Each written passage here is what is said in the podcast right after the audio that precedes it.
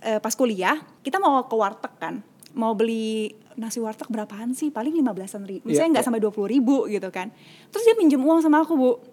Bu eh, mau minjam uang. Aku bilang ya udah kita ke ATM aja bareng nggak apa-apa. Aku juga Iya. sekalian mau ngambil duit gitu. Dia bilang ATM-nya udah nggak ada uang. Kan minimal saldo lima puluh ribu. Jadi dia nggak bisa tarik lagi. Di situ aku kayak hah kok bisa sampai segitunya gitu emangnya nggak pernah diajarin nabung ya It's good that you know a lot of things, a lot Yeah. of elemen instrumen, eh, apa elemen investasi, instrumen-instrumennya segala macam. Tahu dana darurat penting, asuransi penting, investasi penting, semuanya tuh penting iya. Jadi salah satu podcastku juga ngobrol tentang family constellation. Setiap anggota keluarga tuh ada yang misalnya eh, berlahir di zaman berbeda itu juga menghasilkan behavior financial yang berbeda. Selamat datang di TETB With Me, sebuah podcast yang menceritakan extraordinary stories from extraordinary individuals yang selalu mempunyai semangat, tidak ada yang tidak bisa. I'm your host, Parwati Surya Udaya.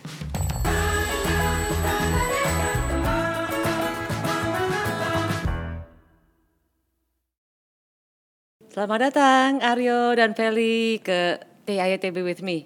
Ini gimana kabarnya nih? baik Bu Par Terima kasih Oke. Bu, baik-baik saja. Kalau ngomong baik boleh nanya dong ya. Ini apa namanya COVID Taruh- mood level nih. Aku ganti jawaban ini surviving Bu. Surviving. Oh, oke, oke. Pas sejak pertanyaan saya COVID kalau tuh gitu. surviving saya. Oke, dari skala 0 sampai 100. Ya. 100 itu seperti pre-COVID. Mhm. 0 Oke. itu seperti mungkin Juli 2021 waktu serem-seremnya Oke. COVID. Ada di mana moodnya Feli? Saya kalau 0 sampai 100, 120 boleh nggak? Oh, gain berarti nih, itulah. gain nih.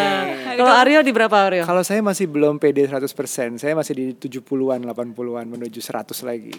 Oke oke. Oke, Nanti tapi- ceritakan tapi bagus apa. lah ya, Ah, boleh, ah, boleh apa, bagus juga lah.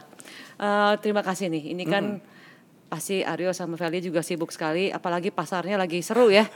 Ini Saya yakin sih bukan ibu ya. Iya, lebih sibukan ibu sih Kayaknya saya ya, rasa. Makasih Bu waktunya kita. udah ngundang kita ya. kalau kita lihat kan indeks harga saham tuh tertinggi ya, All Iya, all time all high. time high terus ya. Jumlah investor tuh sampai tiga kali lipat dibandingkan pre-COVID. Iya, Iya. betul. Kebayang nggak sih? Ini kan Aryo sama Feli kan cukup di dunia keuangan ya. Betul. Kebayang nggak sih kondisi seperti hari ini? Kebayang atau enggak? Kebayang banget sih Bu sebenarnya. Oke. Kebayang banget. Bahkan menurut aku kita kayak growing yang bahkan nanti akan jadi lebih besar lagi gitu. Jadi kita ya harus bersiap untuk itu ya. Oke Ya. oke. Aryo, aku kebayang saking kebayangnya di saat crash tuh sampai 3.900 ya waktu itu ya. Aku buka akun lagi.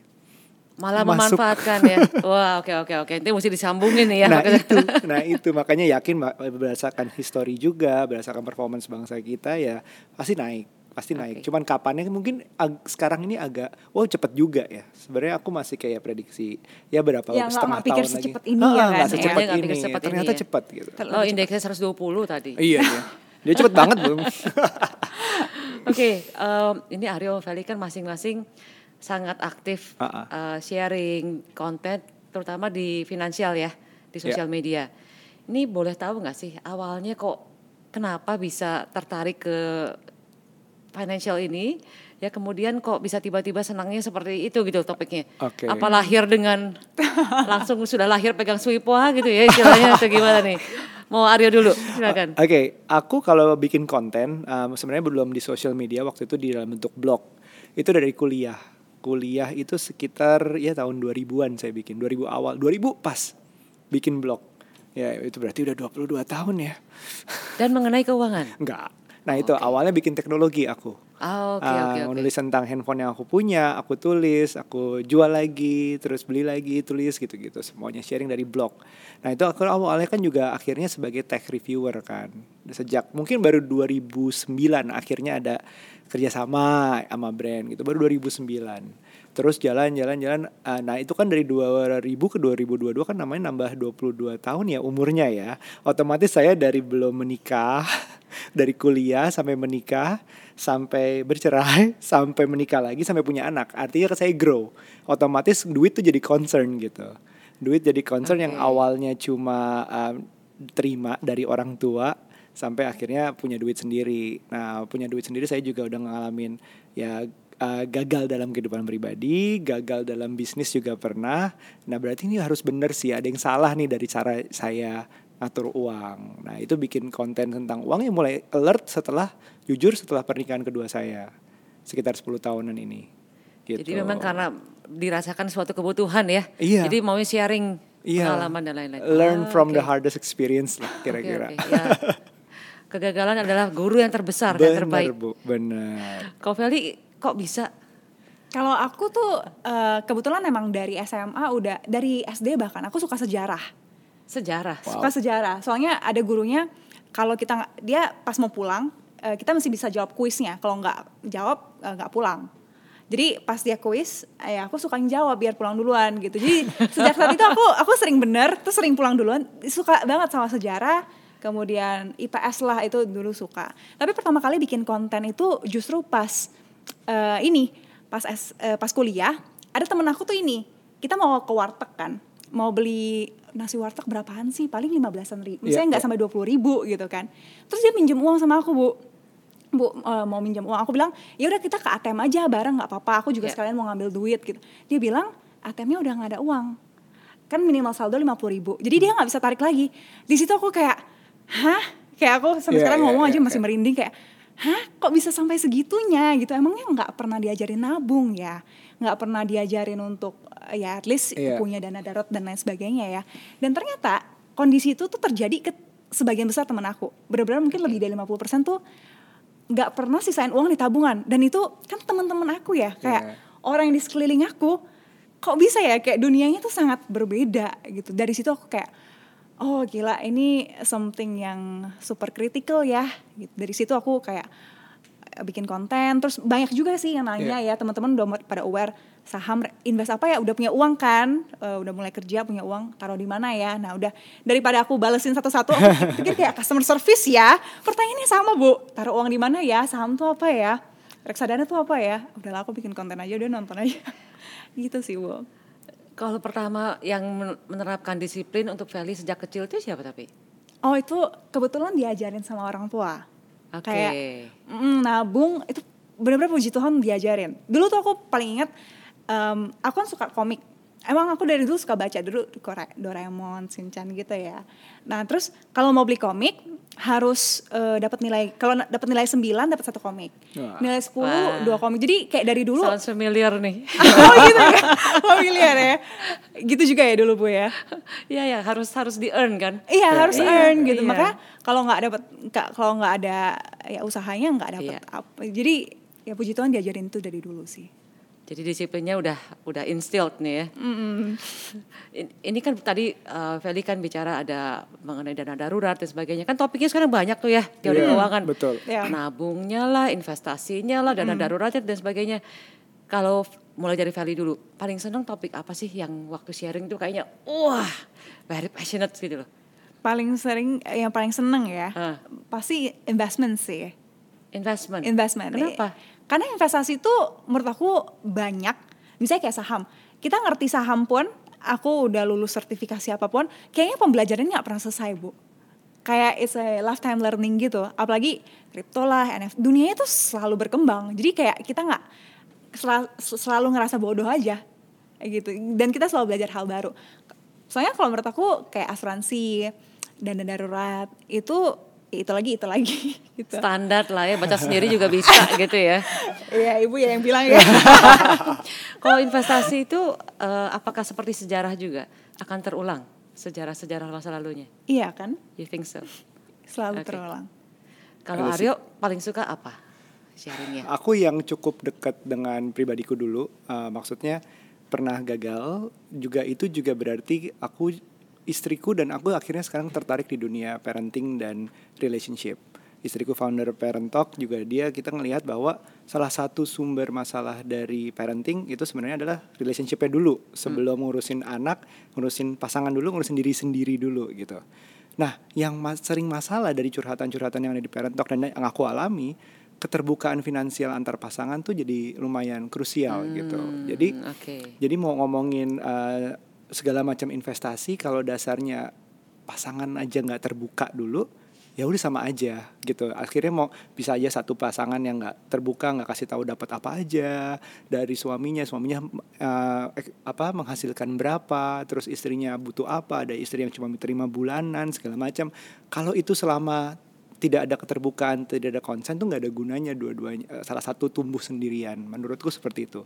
Jadi itu banyak banget curhatan kayak gitu. Aku cuma terima aku nggak tahu suamiku ngapain, apa segala macam. Itu ini kayaknya butuh nih edukasi yang uh, finansial, tapi dari dasarnya banget, yaitu uh, keterbukaan. Karena kalau udah ya harusnya kalau udah merit berarti kan udah komit ya udah komit untuk harusnya ada terbuka semuanya sehingga tumbuhnya itu suatu institusi pernikahan bareng gitu bukan sendiri-sendiri. Itu itu yang jadi uh, concern aku. Jadi mau kayak gimana pun silahkan elemen investasi ditentukan dengan profil resiko lah, ditentukan dengan budget lah segala macam. Tapi tetap kalau udah menikah, nah itu itu kuncinya keterbukaan dulu. Aku pengen ngomong di situ terus gitu rasanya ketertarikannya di situ concernnya di situ sangat passionate di situ ya iya betul betul ini tadi gara-gara di, komporin mengenai investasi Oke, saya nggak tahu dulu mama papa ngajarnya apa ya, mm. atau mungkin nenek kakek, oh. because different generations.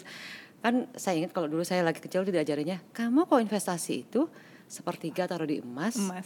sepertiga di tanah, ah. sepertiga di lah. deposito atau dolar dan sebagainya. Oh, kalau ke teori investasi tadi yang kali suka banget, relevan nggak sih? Uh, per hari ini atau karena udah udah itu udah jadul banget yeah. udah udah nggak relevan lagi relevan sama generasi-generasi sebelumnya kali ya betul uh, dulu mama nggak tahu reksadana nggak ada dulu reksadana iya. tapi ada tapi mungkin untuk nasabah prioritasnya sih kayak okay. terlalu eksklusif banget Oke okay, oke okay, oke. Okay. Dulu iya, gitu. Yeah, yeah, Sekarang uh, akhirnya semua orang bisa beli reksadana. Dulu kan minimal berapa ya? 10 juta, 100 juta mungkin ya. Yeah. Obligasi juga dulu 50 juta Obligasi, minimal. bener. Gitu. Jadi thanks to ya banyak platform di OCBC juga kita bisa beli mulai dari yeah. 100 ribu juga gitu kan. Okay, okay. Ini baru berapa tahun terakhir ya obligasi rasanya yang dikencangin hmm. banget. Hmm, dulu kan karena dengan digitalisasi tadi betul, menjadi mungkin ya. Betul. Yeah. Lewat apps doang ya sekarang ya. Jadi teori jadulnya udah nggak berlaku ya. Ada beberapa prinsip yang berlaku sih. Kayak apa ya prinsip prinsip prinsipnya berlaku tapi kayak um, gimana prakteknya investnya ke ah, kayaknya investnya instrumennya berbeda instrumennya berbeda prinsipnya berlaku prinsipnya okay. berlaku ya okay, kayak okay. apa selalu ada yang berjaga-jaga jangan jangan pernah all in anak muda zaman sekarang suka all in bu kak all in tuh kayak dia ada 10 juta 10 juta taruh di mana oh semua ke kripto nggak ada di yeah. tabungan sama sekali. Iya betul itu all in juga. gitu. Hmm. Jangan apa don't put all your eggs in one basket gitu betul, kan. Betul. Hmm, kan simple ya tapi orang-orang suka gitu bu FOMO ya ah oke oke okay, okay. banyak banget yang kayak gitu Oke oke, memang kau bicara investasi nggak ada habisnya ya. Betul. Oke, sebelum saya masuk ke pertanyaan berikutnya, tentu pertama-tama terima kasih dulu ya, ya. buat Feli sama Aryo telah menjadi bagian financial fitness coach di OCBC NSP. Kami yang terima kasih terima juga kasih, bu. bu. Sudah kalau, diajak. Kalau boleh nanya, waktu pertama kali dengar, bingungkah? Maksudnya ini apa sih? Uh, kampanye kesehatan finansial. Orang waktu itu kan zaman Covid ya, mungkin uh -uh. harusnya kesehatan tuh fisik kali ya, kesehatan mental. Ini kok kesehatan finansial gitu loh. Apa sih yang muncul di benak uh, Feli dan Aryo dan kenapa tertarik dan berani jadi coach? Kalau boleh Aryo dulu yang mulai. Uh, waktu itu tuh mix banget ya. Pertama um, aku senang karena bisa nyuarain lebih besar lagi apa yang apa yang aku sampaikan tentang finansial itu. Jadi pengen oh oke okay, ada ada ilmunya nih dari dari dibantu oleh uh, suatu institusi keuangan yang solid gitu yang legit gitu. Jadi oh jadi kalau aku ngomong di, bisa diajarin juga aku salah di mana misalnya. Jadi aku dapat edukasi juga sambil mau mengedukasi teman-teman. Nah tapi on the other side emang emang aku worthy ya. Kayak insecure gitu. Ini kayak aku bukan si FP kayaknya. Aku bukan uh, entrepreneur yang you know di invest atau apa. Aku kayaknya belum belum sampai situ. Sampai bisnisku tuh berjalan dua uh, belasan tahun. Ini konvensional banget. Uh, bisnis calok lah orang ketiga agency gitu. Jadi kayak apa yang bisa aku share ya? Ya iya memang um, ternyata personal sideku um, kayaknya nih bisa nih aku cerita tentang kegagalanku. Justru kegagalan yang aku, bi orang biar bisa belajar justru aku ngajarin biar nggak kayak gue gitu nggak hmm. ngulang gitu nah itu yang mungkin wah ini senang banget nih ada kesempatan tapi bisa nggak ya ada kesempatan tapi bisa nggak ya gitu terus gitu tapi akhirnya senang banget sih karena selama ini jadi juga jadinya aku juga banyak belajar gitu Iya, setiap kali proses seperti itu memang selalu dua arah ya. Iya iya iya. Oke, oke. Kalau Feli gimana? Kalau aku kayak mungkin pas dengar financial fitness gitu ya, menurut aku kayak oh kreatif banget ya. Sampai eh, ya mungkin sebelum pandemi itu kan fitness atau healthy lifestyle tuh kan lagi in banget tuh. Gitu, kayak kalau nggak nge-gym kayak kurang gaul gitu. Terus sekarang ditambahin financial di depannya, menurut aku sih kayak kreatif sih gitu. Terus ada gymnya di gym itu kita melatih otot kita dengan apa gitu-gitu. Jadi kayak oh kreatif juga ya. Soalnya ini sih bu kalau kita dulu sih dulu ya. Kalau ngomong finance ke orang awam, mereka tuh bakal kayak aduh bahasa planet gitu ya. Iya, Eh, setuju. it's different lang- language gitu. Jadi eh, kalau dengan ngebawa olahraga itu kan sesuatu yang mungkin dari dulu kita suka sepak bola, suka Iya. bulu tangkis. Jadi lebih relate aja. Jadi ya hopefully eh, dengan ini bisa berjalan terus, kita bisa reach lebih banyak orang deh gitu. Oke, oke. Dan jadi nggak nggak sempat gentar ya. Kalau Oh, enggak. Aku gentar, aku gentar. gentar ya. Wah, ya tahun lalu sebenarnya belum sege, ya belum segede itu gitu. Terus teman-teman yang bergabung tuh kok kayaknya yang hebat-hebat ya. Cuma aku dari lebih ini sih lebih excited sih daripada gentar. Soalnya ketemu sama banyak teman-teman yang hebat. Kita jadi kayak Avengers gitu. Avengers, iya iya. Wow, Jadi Avenger keuangan. gitu, iya. Iya, jadi Avenger ya, keuangan. eh, sama teman-teman ini Iya. juga kan. Jadi seru, seru sih, seru. Ya and for the good purpose gitu ya. Ya. Karena Iya. juga aku ngelihatnya Bu kalau mau nambahin itu tuh kayak em, sekarang tuh justru sesudah mungkin sejak pertama kali kita diajak sampai sekarang yang ngomongin uang tuh banyak banget. Jadi kayak wah banyak banget semuanya kayaknya ngomongin uang, cuan segala macam. Tapi justru juga banyak yang harus kita hati-hati gitu. Makanya aku mau em, bareng-bareng semuanya sama aku lihat eh siapa aja yang diajak. Aku lihat orang-orang wah oke keren-keren gitu. Jadi aku juga masih bisa ngajakin orang lebih melek finansial tapi bukan melek untuk kaya doang gitu loh Iya, iya. untuk fit jadi kayak bisa oke um, kita li aku lihat kontennya Feli lihat kontennya Ruby segala macam aku ngeliat oh oke yang diajarin tuh kayak gini kita kita tuh masih harus jangan enggak tujuannya bukan buat kaya gitu bukan bukan buat cuan cepet Eh, beberapa dibangun pelan-pelan beberapa dibangun dengan misalnya div- diversifikasi investasi profil resiko segala macam suaranya masih sama jadi kita bukan cuma ngajakin orang untuk kaya Iya. doang gitu loh jadi makanya aku senang di situ Sesuatu yang sifatnya jangka panjang ya. benar benar Nah ini setelah berjalannya waktu nih boleh di-share nggak suka dukanya, cerita lucunya, cerita seremnya kalau ada silahkan juga. Sekarang Saat- lebih banyak cerita serem ya. cerita serem Sekarang lebih banyak cerita serem. Waktu saat memberikan terutama apa di kelas di gym finansial itu ya. Oh, em, cerita seremnya di luar maksudnya Iya, yang, yang heeh. gitu. aku kira kayak oh kita udah on the right track untuk kayak jadi negara investor yang lebih Iya. banyak lah ya. Sekarang kan mungkin udah belum 10% ya, mungkin 5% yang jadi investor gitu. I think kita udah on track. Tapi ternyata kayak di tengah jalan banyak banget yang kejebak investasi bodong. Ini kan lagi Iya, rame tuh Bu iya. dramanya kayak ya ampun, kita Tapi ini apa Raf, yang tadi Feli bilang sih, history repeat itself terus ya. Ini Iya. kan kalau cerita kayak gini kan Iya. dari Dari dulu dulu, gitu loh, mau dari tahun Oke, selama saya Iya. 90-an Iya. ber- selalu begitu. cuma Tapi beda modusnya aja kan. beda modus, Heeh. kena lagi, kena lagi gitu loh. Hmm, benar. Kalau dibilang modus, beda modus juga prinsipnya sama sih. Iya, Motivasinya keserakahan ya, ketamakan. Betul, benar. betul. Bukan Jadi mereka mereka tuh sebenarnya ngerti tahu kali. Orang-orang tuh pada tahu ini tuh bodong, tapi ada yang mikir kayak nggak apa-apa masuk duluan, nanti Siapa tahu keluarnya keluar cepet, pas gitu. keluar cepet gitu. iya. berharap eh, rantai atas dari greater full theory ya Iya, benar. gue di atas duluan kok gue aman lah nanti Uh. Ya, jadi kayak banyak yang melek investasi, tapi kayak eh, orang-orang yang jahat itu pakai kata investasi untuk menarik orang-orang Oke. masuk ke dalam itu. Jadi kayak sekarang pun kalau kita ngomongin saham, ngomongin reksadana, orang bilang, ini bodoh nggak ya? Jadi lebih oke. lebih PR Iya. gitu nggak sih? Jadi, Jadi benar-benar financial fitness ini malah lebih penting lagi sekarang ya. iya. Malah lebih timely lagi Benar. untuk diingatkan semua ini ya. benar benar kritis sih. Kalau nggak orang bisa kapok beneran bu. Jadi Iya, iya, iya. Kritik kritis. Taruh uang di bawah bantal lagi nanti. Iya. Balik ke tadi ke emas, properti. iya sepertiga sepertiga Iya. sepertiga, sepertiga, sepertiga. Oke, waktu kalau nggak salah kan waktu jadi coach itu apa melatih di gym katanya ya. di yang di yang di itu Surabaya. Ah, ha. iya. itu sih ada- Instagramable banget ya tempatnya keren banget ya Keren banget. keren banget Tempatnya. Nah, ada kejadian-kejadian lucu nggak atau pertanyaan-pertanyaan yang berkesan? Eh, lucu tuh, ya tahu lucu atau enggak ya. Waktu itu tuh kan ke Surabaya. Aku udah lama banget gak ke Surabaya. Terus ada satu itu em, ini ada dia tuh cewek jadi ojol juga dia tuh kan eh, tahu ke Surabaya waktu itu kan aku lumayan heboh kan bukan heboh sih lumayan sounding lah ya di social media ya habis itu dia ngejar ke bandara gitu ngejar ke bandara untuk ketemu gitu kan tapi kan aku udah langsung ke hotel sama ke tempat gym itu kan Iya. habis itu dia ngejar ke ini ngejar Ke ke, gym, ke gym sambil bawa dia tuh eh, Oh, ini sama. Wah, nih. fine berat nih. bikin kayak ada makanan UMKM gitulah kue Iya, iya. gitu jadi terus ngikutin sampai akhir akhirnya nggak nggak narik gitu loh jadi kayak em, ini sih appreciate sih sama effort-effortnya temen-temen ya yang mau belajar jauh-jauh ya ninggalin apa yang dikerjain jadi ya Karena dia tahu dengan belajar itu kan itu investasinya untuk jangka panjang ya, mm-mm, investasinya leher ke atas gitu ya leher ke atas. Leher ke atas ya.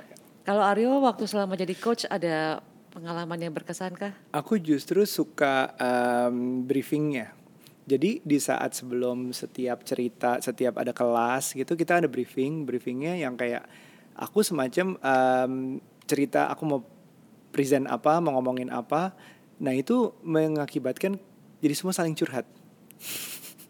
Oh Karena di di, di, di ini sebelum itu mulai pada enggak, sebelum Oh, bahkan oh, sebelum se- kelas sama tim sama tim motivasi kita Oke. curhat-curhatan masalah em, oh salah satunya kan kita suka ngomongin eh, kita aku pernah ngomongin di topiknya tentang orang tua. Jadi kalau kita merasa nih kita udah oke dengan financial udah belajar semuanya em, tahu segala macam elemen in- investasi, tapi ujungnya ternyata nggak nyangka saudara kena, orang tua kena yang bodong. Padahal it's right under our nose gitu. Dia tinggal sebelah doang gitu. Terus tiba-tiba ya mereka kena karena karena ya em, masuk dari WhatsApp temen lama terus yang udah lama nggak ketemu nawarin investasi akhirnya kena.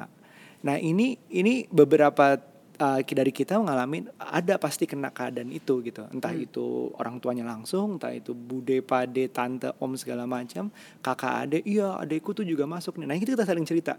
Jadi setiap ada work sebelum workshop kita ada ngobrol-ngobrol dulu kayak semacam brainstorming topiknya. Relatable nggak? Kejadian nggak di kalian di teman-teman? Aku suka tanya kayak gitu.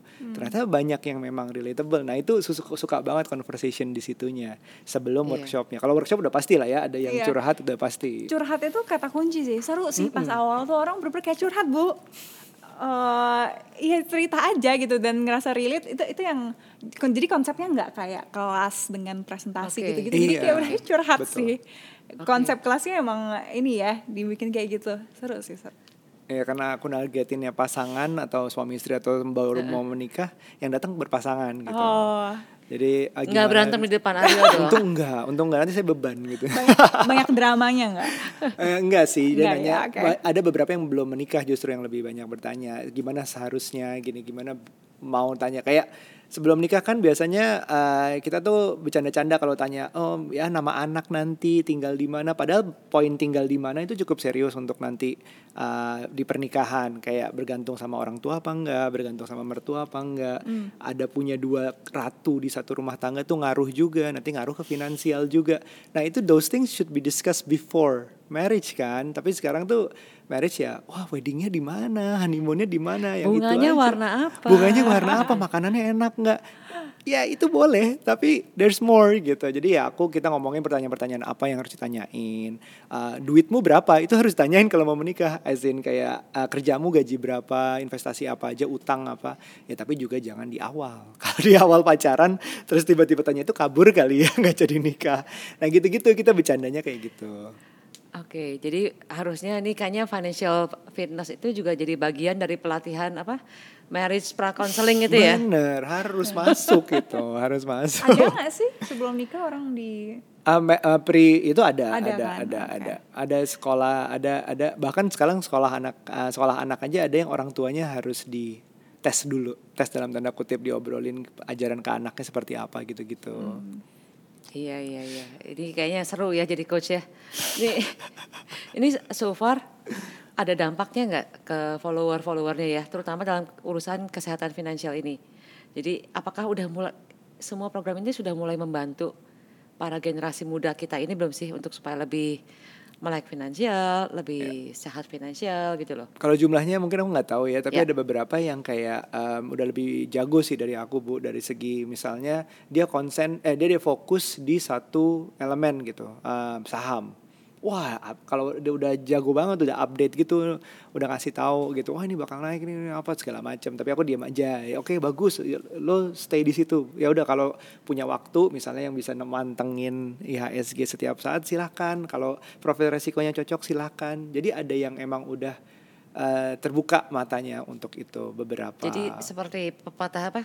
Eh, guru kencing berdiri, murid kencing berlari ini ya. Iya, padahal aku juga eh, nggak segitunya setiap hari mantengin saham juga enggak jadinya, tapi dia malah Oke, iya. oke, oke. Bagus deh ya udahlah. Oke, jadi eh, apa? Seneng pasti senang juga ya Seneng bawa dong. manfaat seperti itu ya. Seneng dong, aku selalu cuma ngingetin ya udah kalau cocok iya oke, kalau misalnya tapi ingat masih banyak elemen-elemen lain. Masih ada kita yang hubungan dari dari em, DM DM Instagram. Oke oke. Kalau Feli gimana? Kalau aku eh, ini kan jago saham jadinya ya. Aku eh, sekarang kan banyak drama investasi bodong itu ya. Jadi aku pernah sekali tuh aku cerita di IG story juga gitu ya sebagai part of the campaign juga ya. Eh, ya, Sok-sok ini kayak em, ayo yang mau titip dana kirim KTP gitu ya.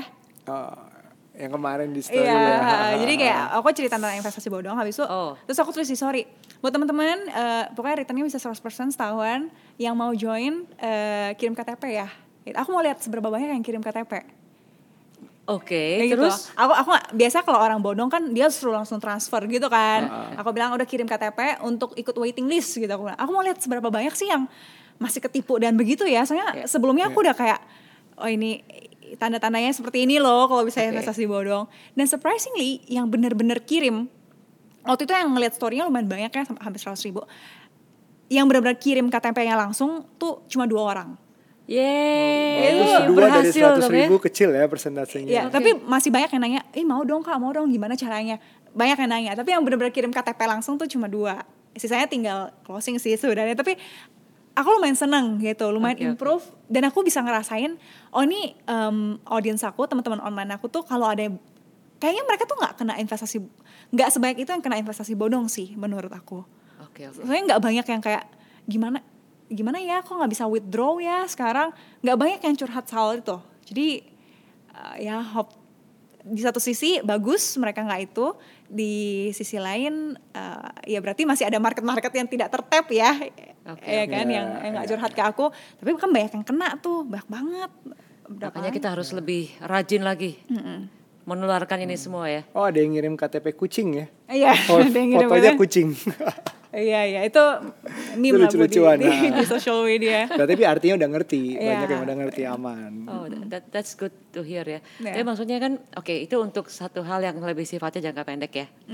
Eh, mungkin kalau boleh sharing juga latar belakangnya, kenapa sih ini OCBC NSP bikin financial Ya. fitness ujuk-ujuk gitu kan, bukannya physical fitness, bukannya mental fitness, tapi malah financial fitness. Karena kita tuh memang eh, sangat percaya kalau terutama ngelihat hasil ini ya, apa financial fitness index. Ya. waktu ngelihatnya sempat kaget-kaget juga kan ya summary skornya.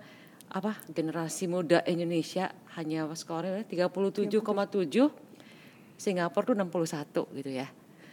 Eh di mana hanya 14% generasi muda Indonesia yang terlihat sehat secara finansial.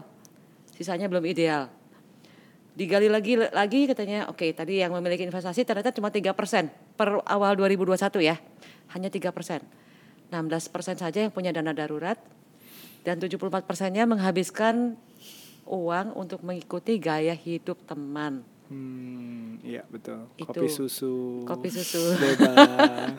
skincare gitu Padahal kita tuh kan mau lihat jangka panjang ya, kan pasti juga uh, Ariel sama Ferry udah lihat juga bahwa kita punya impian nih Indonesia waktu usia 100 tahun tahun 2045 harus masuk top 5 terbesar di dunia kan. Oke. Dan itu kan secara hitungan tuh sangat sangat bisa ya. Salah satu kuncinya tentu bonus demografi para generasi mudanya kan. Yang kalau tidak fit finansialnya, tidak fit physically of course ya, physically mentally kan udah udah given. Tidak fit financially, jangan-jangan nanti kita hanya menjadi pasar Iya. saja untuk berbagai negara maju ini untuk memanfaatkan bonus demografi Jadi kita gitu kan. beban demografi ya bu. Iya malah jadi nanti jadi Beban. bencana demografi gitu Iya. loh. Nggak nyampe top 5-nya. Nah itu kenapa kita merasa hey this is uh, our role yang kita bisa bermain gitu ya. Iya. Dan ini sejalan dengan bidang kita kan financial. Jadi makanya muncul Betul. financial fitness itu gitu ya. Waktu pertama dengar juga sama, hah? Financial fitness gitu kan. Tapi hey it makes a lot of sense gitu. Nah waktu pertama kali uh, dengar mengenai financial index ini dengan angka seperti itu, eh, kalau Feli kaget kah, denial kah? Nggak mungkin, pasti surveinya salah gitu loh. Atau gimana? Hmm, kalau aku tuh ini ya, orang kan suka bilang, ih negara kita penuh dengan eh, masalah ya lah ya, in a way banyak yang belum investasi, banyak yang belum punya dana darurat dan lain sebagainya. Tapi kalau dari, maksudnya dari pengalaman pribadi, dari observasi juga aku ngeliat kayak, iya kita tuh jelek, kita tuh punya banyak masalah, tapi kok kayak kita improving ya. Mungkin dulu tuh skor kita 20 kali, sekarang 37. Eh ya better lah ya. The optimist. the optimist. Iya nggak sih kayak saya setuju banget, setuju banget. Ngerasa teman-teman aku Oke. ya improving. Memang kita awalnya jelek gitu lah ya banyak yang nggak nabung. Tapi sekarang mereka jadi ngerti kok menurut walaupun room to improve-nya tentu banyak banget gitu. Oke, Tapi oke. I think we're on the right track. Jangan sampai eh, kes, ya kepleset sering-sering lah ya kayak investasi bodong itu. Jadi I think um, that's okay gitu karena I believe itu udah improve. Tapi kita bisa improve jauh lebih kencang lagi. Oke oke. Kalau Aryo sempat merasa sedih kak, merasa ikut bertanggung jawab untuk membantu meningkatkan skor-skor ini atau gimana?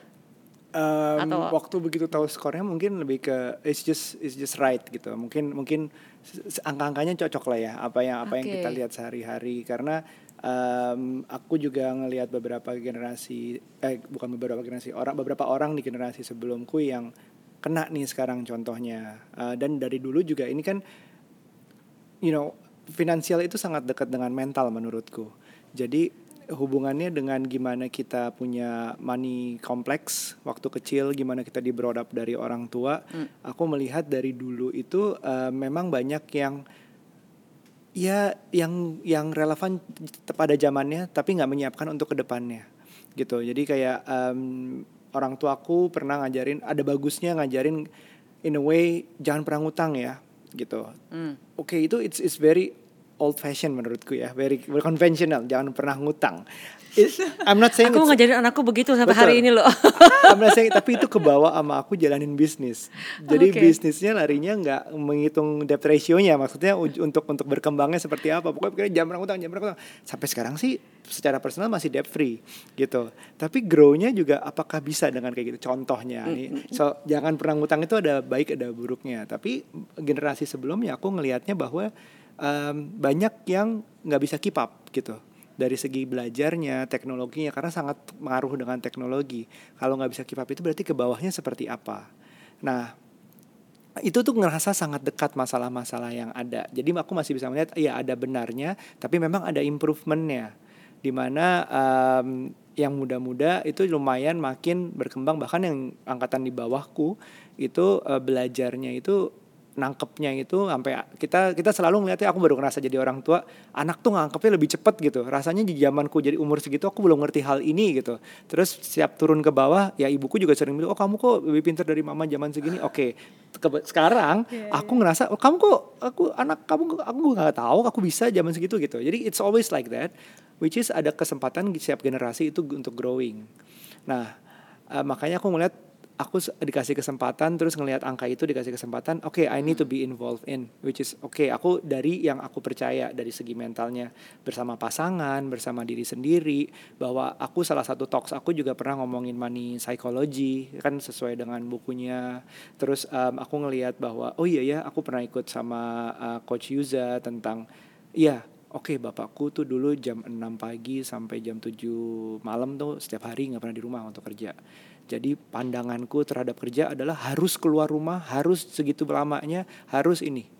Nah, itu kan nurun terus karena karena kepala kita itu sangat uh, ada alam unconscious kita terima di saat ngelihat hal-hal yang kita lihat dari 0 sampai 5 tahun bahkan dari kandungan katanya. Stres ibunya di saat nggak punya uang, stres ibunya saat marah sama bapaknya.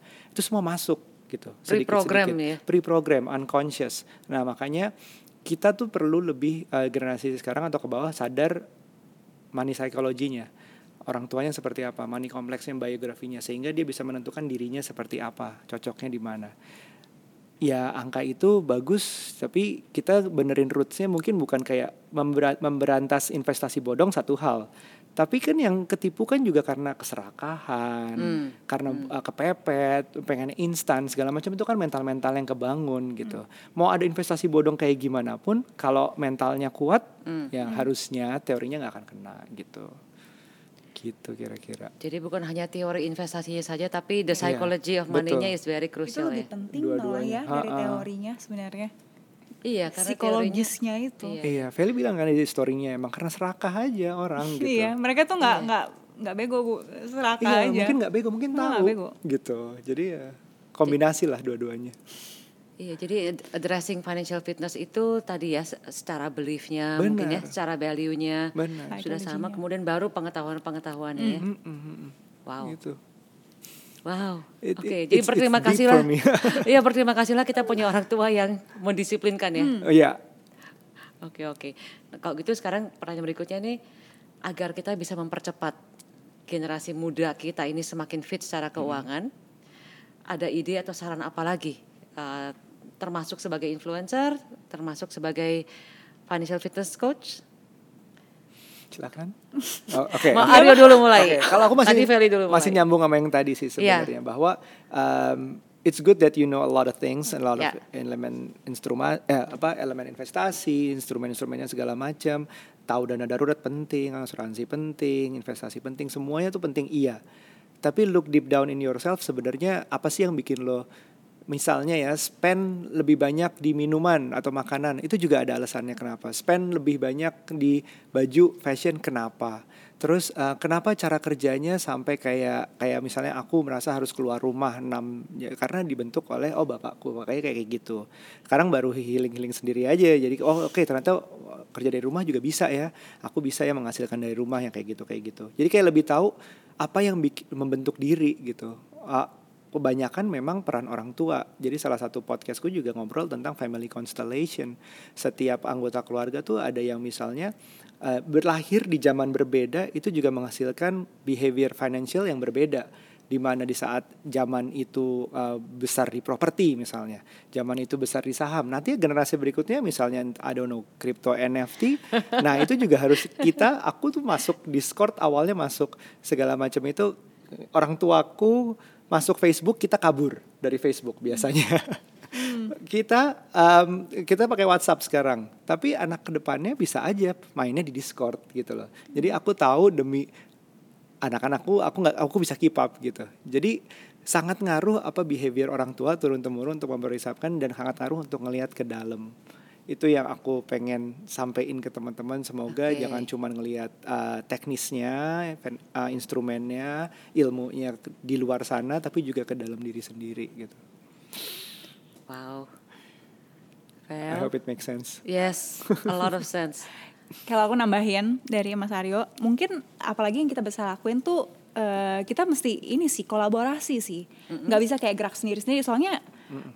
um, apa orang-orang yang misalnya ya kan banyak ya. Aku suka bilang orang jahat atau orang yang kurang baik itu tuh mereka followersnya banyak gitu. Dan untuk melawan itu susah ya kalau untuk turun lu turun ya. Atau lu ditangkap polisi susah. Harus hmm. kitanya yang naik. Orang baiknya itu harus harus lebih gede suaranya daripada Setuju. orang yang jahat itu. Kalau kita aja kalah suara ya wajar aja. Maksudnya suara karena suara kita kecil. Maksudnya kita influence-nya kita reach-nya nggak sebesar itu. That's why uh, ya kita mesti kolaborasi dengan bukan hanya dengan sesama yang finance finance ya karena yeah. marketnya itu itu untuk aku sih mungkin market yang interest sama finance is there yeah. tapi yang kita perlu tap kan yang suka masak yang suka olahraga yang suka um, parenting yeah, ya. yang yeah. suka jadi harus dikombinasikan dengan something yang out of finance gitu itu satu kita mesti kolaborasi dan kedua um, kalau misi aku pribadi tuh I think di social media tuh orang yang seharusnya lihat tuh sudah gitu. Nanti dia grow uh, consistently. Hmm, hmm. tapi yang kita belum pernah reach tuh orang di desa-desa hmm. gitu. Memang mereka nggak nggak punya uangnya gitu ya. Mungkin untuk uh, fintech untuk perbankan masuk tuh kurang motivasi lah. Karena mungkin uangnya juga uh, nggak sebaik itu. I don't know ya. Tapi di situ tuh banyak yang kena investasi bodong yang uh, akhirnya harus Yeah. ngutang dan aduh uh, vicious cycle of poverty itu ya putar-putar terus di situ dan nggak ada yang pernah ke bawah kalau kita uh, berharap mereka naik tuh kayaknya susah deh. Aku pernah dia, dia dikasih tahu kalau orang yang nggak ngerti kita berharap dia jadi ngerti tuh lebih susah daripada mending kita yang turun ke bawah, kita yang ngajarin, kita yang kasih pengerti itu tuh lebih mudah dan it's under our control. Kita bisa turun sekarang. Tapi orang untuk naik dia harus berpendidikan, dia harus ini dan itu. Jadi mungkin dua itu sih, Bu. Saya jadi ingat em, kalau nggak salah di negara lain yang mungkin financial fitness indexnya lebih tinggi, Hmm. em, mereka tuh memasukkan kurikulum ini ke pendidikan sejak Hmm. mereka kecil ya. Beberapa Maksudnya kalau ngomong ngomong reaching out, maybe harus Betul. dari program pendidikan secara keseluruhan juga ya. Betul. Jangan hanya mengajar matematika, sejarah, Ya.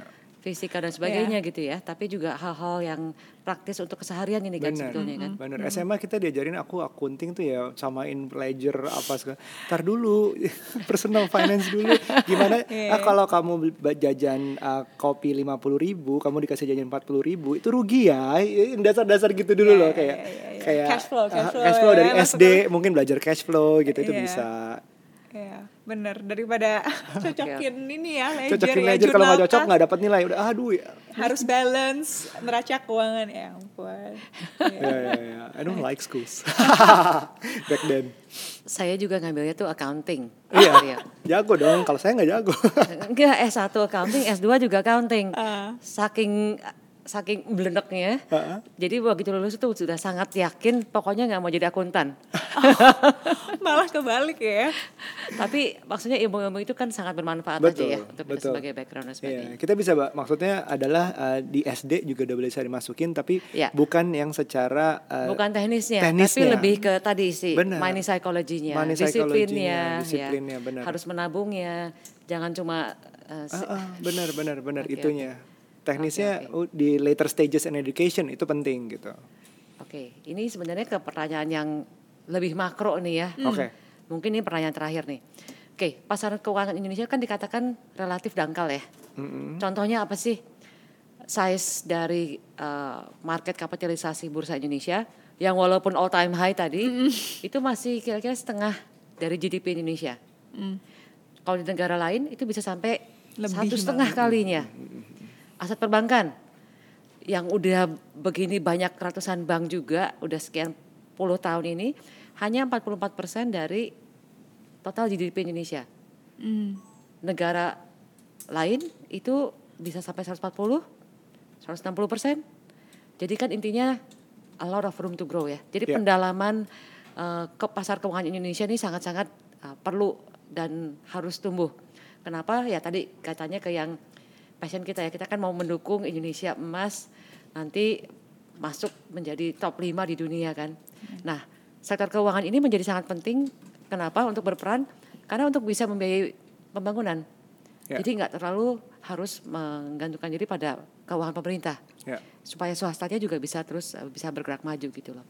Nah, em, sebagai generasi muda yang punya andil dan peranan penting dan berpengaruh, boleh tahu nggak, eh, Feli dulu ya sekarang ya, inginkan atau perlukan untuk turut merealisasikan pendalaman pasar keuangan Indonesia ini. Gimana caranya gitu? Gimana caranya? Atau lebih ke eh, mungkin gimana caranya apa relatif awang-awang mungkin ya, tapi kalau dari your point of view sebagai praktisi, sebagai yang bisa dan mengerti pasar tuh bagaimana bisa berkembangnya, apa sih yang diperlukan kalau mungkin dibandingkan dengan pasar lain dan sebagainya ya? Hmm. Kalau apa yang diperlukan, uh, contoh tadi satu uh, pasar modal kita uh, market capitalization-nya cuma setengah Ya, dari GDP Indonesia. Ya. Gitu. Itu kan karena padahal yang invest tuh uh, cuma tiga persen loh, tapi kita udah bisa 50 persennya GDP. Kalau Ya. misalnya 6 persen, bisa nggak ya Ya. kita jadi 100 persen ya? Cuman dari tiga persen ke 6 persen, nggak sampai 10 persen orang Indonesia loh. Kayaknya itu nggak nggak segitu susah gitu. Dan dan untuk itu kita berarti butuh banyak investor. gitu kan. Investor-investor baru gitu. Mungkin awalnya modalnya nggak gede tapi kan along with time income-nya grow ya harusnya yang di di save di invest juga grow gitu kan. Berarti kita butuh lebih baik investor. What to do gitu. Salah satu yang menurut aku eh, tadi ibu yang bilang sih eh, masuk ke sekolah masuk ke kurikulum itu dari super awal kita sudah diajarin I think itu one of the best way sih untuk un- udah berada dari awal karena kan katanya kalau udah agak berumur ini ya udah susah menerima ini ya Maksudnya? katanya sih bu Maksudnya? Enggak, konfirmasi oh, ter- enggak ya Ibu yang benerin aja. Oh, bener nggak bu? Bener nggak bu? Bu, ini lebih parah bu harus diprogram. Iya, iya, harus iya. Ini program. dari awal di program cuma kan itu Pendidikan. ya kalau berharap pemerintah sih mm, gimana ya bukannya susah cuma kan out of our control gitu loh jadi Oke. eh, apa yang bisa swasta ya mungkin jadi ekskul tambahan lah ya kalau belum bisa jadi utama ya kita tambahan at least dari super SMA lah at least udah ngerti gitu ya itu Oke, oke. praktikalnya sih bu menurut aku Pendidikan ya. Oke. Saya Dari mau Aryo. mundur lebih dikit lagi. Hmm. Di saat justru em, sebelum sekolah adalah em, pendidikan pertama orang dapat adalah dari orang tuanya. Ya. Em, jadi di saat ah, karena interestku lagi ke sana nih, lagi ke parenting dan relationship.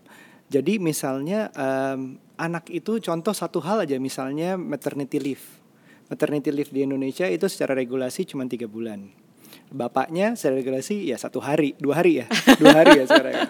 Nah, attachment parenting untuk ke Iya. bayi kepada ibu tiga bulan tuh pendek banget itu apalagi di keadaan yang misalnya ekonominya sulit. Nah itu stres banget dibawa stres plus dia karena harus dapat duit dia harus kerja lagi harus terpaksa dalam keadaan stres. Harusnya minimal enam bulan untuk seorang ibu.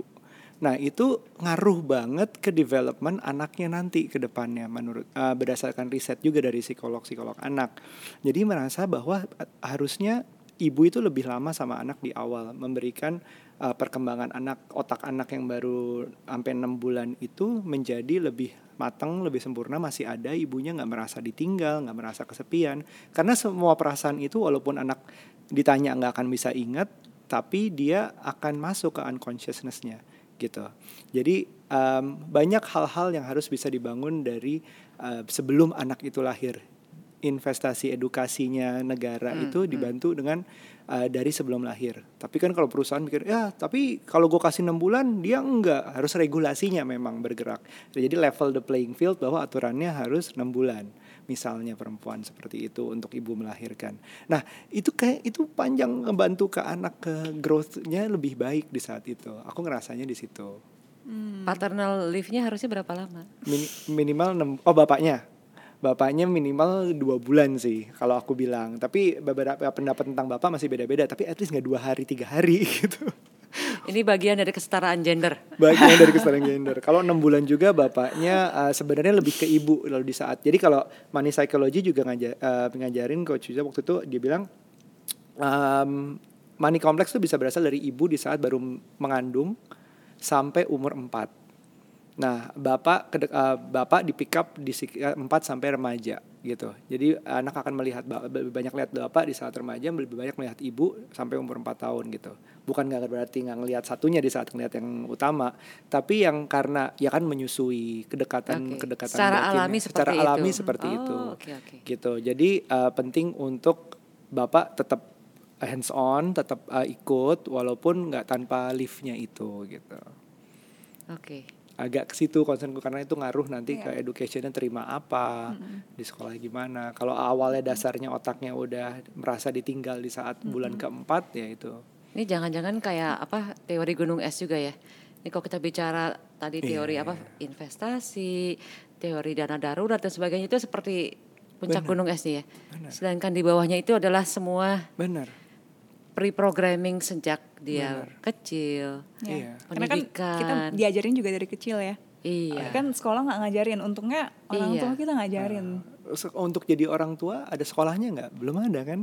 Padahal itu penting untuk ngebangun generasi berikutnya gitu. Masa sih harus di sekolahin? Ntar lama-lama kuisnya harus di sekolahin juga. Harus dong, harus sekolah tuh orang tua tuh at least ada educationnya nggak level kayak berapa tahun gitu enggak, tapi ada ada lesnya, ilmu-ilmunya, ada, ada lesnya, ada Oke, kayak oke, course-nya, oke. course-nya. Wah ini menarik sekali sih. Makasih lagi nih. Aryo, ya Feli. eh, maksudnya kita bicara financial fitness, tadi di benak saya itu kan wah segala macam teorinya ya Iya, si gunung esnya. Ternyata yang di bawahnya Nggak ini paling kelihatan. paling kelihatan ya. Jadi kalau boleh kita simpulkan ya, kita simpulkan yang pertama tadi ya ternyata bahwa untuk menjadi financial fit itu sangat dibutuhkan money psychology Iya. atau hal-hal yang sifatnya lebih softnya yang sangat diperlukan oleh uh, anak dari lahir ya. Iya, iya, iya. Dan yang kedua kalau bicara yang gunung esnya investasi itu ternyata asik sekali ya, nggak ada habisnya dan always repeat itself ya, Betul. Ya. Dan yang ketiga itu ya uh, timeless theory, jangan apa menaruh semuanya di satu Iya. tempat, jangan all in tadi ya, jangan Put all in in, one basket. not all the eggs in one basket.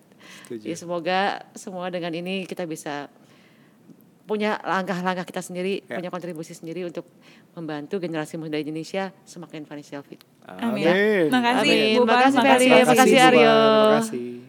Terima kasih sudah mendengarkan podcast TITB with me. Leave your comment atau feedback di Instagram saya at Parwati Surya Udaya. Sampai jumpa di podcast selanjutnya dan live your life dengan semangat. Tidak ada yang tidak bisa.